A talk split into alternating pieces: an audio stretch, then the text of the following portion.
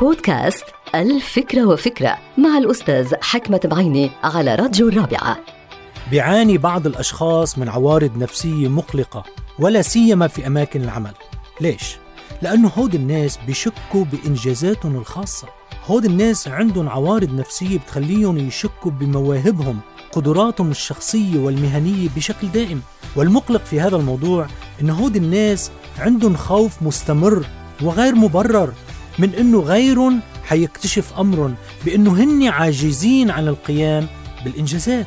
حقيقة هود الناس عندهم عوارض نفسية دائمة بيعتبروا أنه زملائهم في العمل يوما ما سيكتشفوا الأمر بأنه هن لا يتمتعون بالقدرات والإمكانيات الكافية للقيام بالمهمات والوظائف الموكلة إليهم. غريب هذا المرض.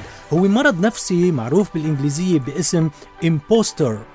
Imposter syndromes هن إنه المريض بهالحالة بيشعر بأنه هو نسخة مزورة عن نفسه وأنه ما يقوم به دائما هو عبارة عن مجموعة أعمال غير حقيقية بالرغم من وجود أدلة كافية بأنه أعماله حقيقية ومنتجة وفعالة. والأكثر من هيك أنه هؤلاء الأشخاص بيعتقدوا أنه نجاحاتهم الخاصة والمتكررة أحيانا هي تعود إلى الحظ والقدر فقط وأنه هي نتيجة وهمية. أحيانا الناس بيتخيلوا أنه هي حقيقة نتائج فعالة. أنا مني طبيب نفسي ولا يحق لي أن أعطي النصائح الطبية ولكنني سأفصح اليوم عن سر شخصي في هذا المجال. ألا وهو أنني لم أشك يوما بقدراتي الشخصية والمهنية وأنني كنت ولا أزال مصمما على تحسين تلك القدرات إلى ما لا نهاية.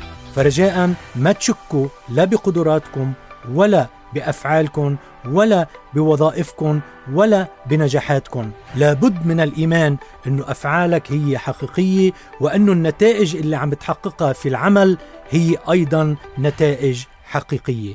انتهت الفكرة. هذه الحلقة مقتبسة من كتاب الفكرة وفكرة.